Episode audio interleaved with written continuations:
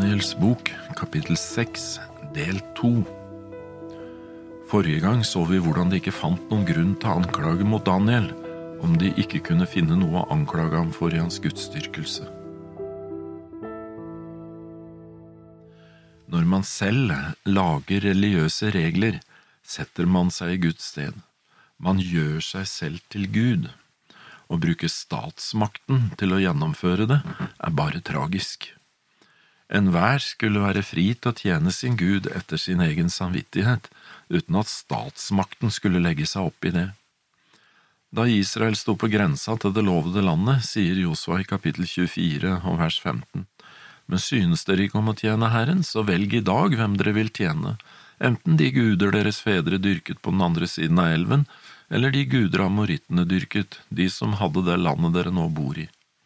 Men jeg og mitt hus vi vil tjene Herren. Riksråden og satrapene hadde lagt sin plan, og de gjennomfører den. Nå stormet de inn til kongen og sa til ham, Kong Darius, leve evig! De har det fryktelig travelt. Legg merke til hva de sier. Kongen leve evig? De smigrer kongen. Jeg tror de gjerne hadde tatt over plassen hans momentant, om det var mulig for dem for misunnelse kjenner ingen grenser. Om de hadde fått ryddet Daniel av veien, ville de ikke stoppet der. Du må ikke tro at de gir seg selv om du har nådd toppen. Da leter du bare opp alle de som du mener kan være en trussel mot din posisjon i framtiden, for å fjerne dem. Det er aldri ro å få. Det er alltid noe som vil være en trussel mot deg. I vers åtte så står det alle riksrådene i riket, stattholderne, satrapene, rådsherrene og landshøvdingene har rådslått om at det bør utstedes en kongelig forordning og gi et strengt påbud. Hver den som i løpet av 30 dager ber til noen gud eller til noen menneske uten til deg, konge, skal kastes i løvehulen. Alle riksrådene, tror du de hadde innkalt Daniel til rådslagningen? De setter det frem som om alle er enige. Konge, sier de videre i vers 9, utsted nå et slikt påbud, la det bli satt opp skriftlig, så det er etter medernes og persernes uforanderlige lov og ikke kan tilbakekalles. De smigrer kongen, lar kongen tro at det er hans ære de har i tanke, og kongen han lar seg smigre, og han godtar deres forslag uten å tenke seg om. Og i samsvar med dette så står det i vers ti at kong Darius lot det bli satt opp en slik lov, et skriv med et slikt påbud. Stolthet gjør blind. Så snart Daniel fikk vite at skrivet var sendt ut, så gikk han inn i sitt hus. Der hadde han i sin sal åpne vinduer som vendte mot Jerusalem, og tre ganger om dagen bøyde han sine knær med bønn og lovprisning for sin Guds åsyn, aldeles som han før hadde gjort. Jeg tror Daniel er fullstendig klar over hva som skjer. Allikevel så handler han som han vanligvis gjør. Hvorfor gjør han det? Det var noe med at han hadde satt seg fore i sitt hjerte. Han lar ingenting komme mellom Gud og seg selv, han handler slik han alltid hadde gjort. Det var et personlig valg som Daniel hadde tatt. Han tjener Gud, og han overlater også konsekvensene til Gud. Nå var det ikke slik at han ved sin gudsdyrkelse plagde andre. Daniel var ikke slik at han stoppet trafikken eller stilte seg opp i veien for andre for å be. Det står at han gikk inn i sitt hus, altså helt privat. De måtte spionere på ham for å finne det ut. Han kunne ha gjemt seg bort, han kunne ha lukket vinduene og dratt ned rullegardinene, men det var ingen løsning. Kanskje ville det bare gjort alt vanskeligere. De kjente kanskje ikke Daniel godt nok og var kanskje litt redd for at Daniel ville velge å bøye litt av. De hadde i hvert fall tatt høyde for det og satt av en tid på 30 dager.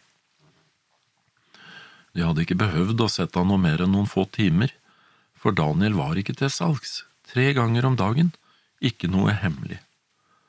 Legg merke til at Daniels fiender faktisk kalkulerer med hans trofasthet, og de bruker det mot ham. Da stormet disse mennene inn, står det i vers tolv. og fant Daniel mens han holdt på å be og bønnfalle sin Gud. De har det fremdeles like travelt, de stormer inn, de har ingen respekt for en mann som ligger på sine knær og ber til sin Gud. Blind av misunnelse og egoisme, så glemmer de simpel folkeskikk, for nå har de han.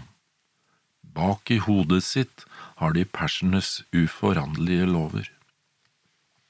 Og I vers 13 så trer de frem for kongen og spurte med tanke på kongens påbud. Har, du, har ikke du sendt ut en befaling om at hver den som i løpet av 30 dager ber til noen annen gud eller til noe menneske, uten til deg, konge, skal kastes i løvehulen? Kongen svarte, det ordet står fast etter medernes og persernes uforanderlige lov. Og her skjer det noe interessant, for nå legger de ansvaret over på kongen. Har ikke du sendt ut en slik befaling?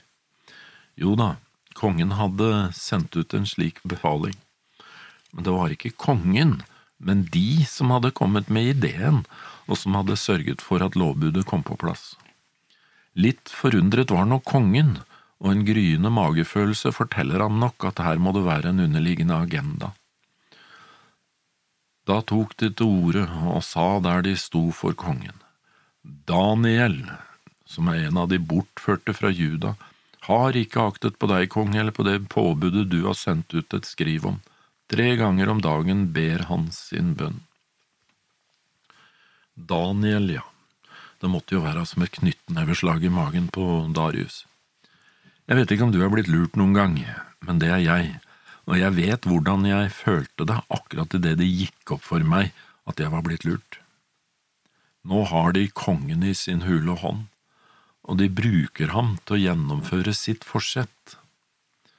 I vers 15 så står det da kongen hørte dette, ble han dypt bedrøvet og tenkte i sitt hjerte på hvordan han kunne redde Daniel. Helt til solen gikk ned, gjorde han seg umak for å berge ham.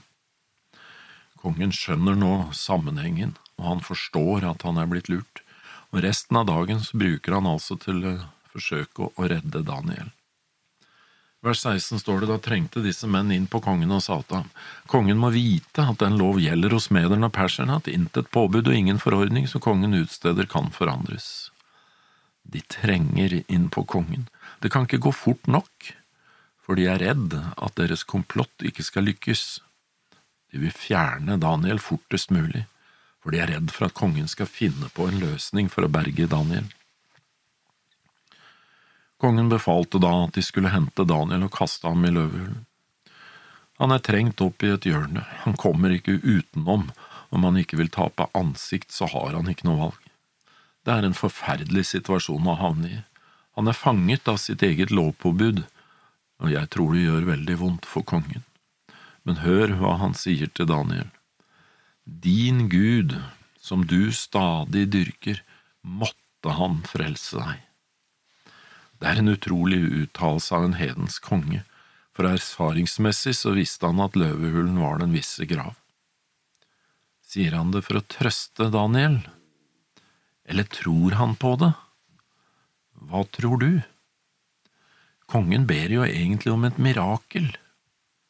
I vers 18 så står det, så ble en stein ført fram og lagt over hulens åpning og kongen forseglet den med sitt eget og sine stormenns seil, så det ikke skulle kunne skje noen forandring i det som var gjort med Daniel. Det begynte med misunnelse, et ønske om å kvitte seg med Daniel for godt. Ønsket ble til handling, og for sikkerhets skyld ble hans grav dekket med en stein og forseglet med kongens seil. Det betydde at det ikke var noen vei tilbake, det kunne ikke gjøres om, det sto fast etter medernes og persernes lov. Neste gang så skal vi se videre hvordan det går med Daniel.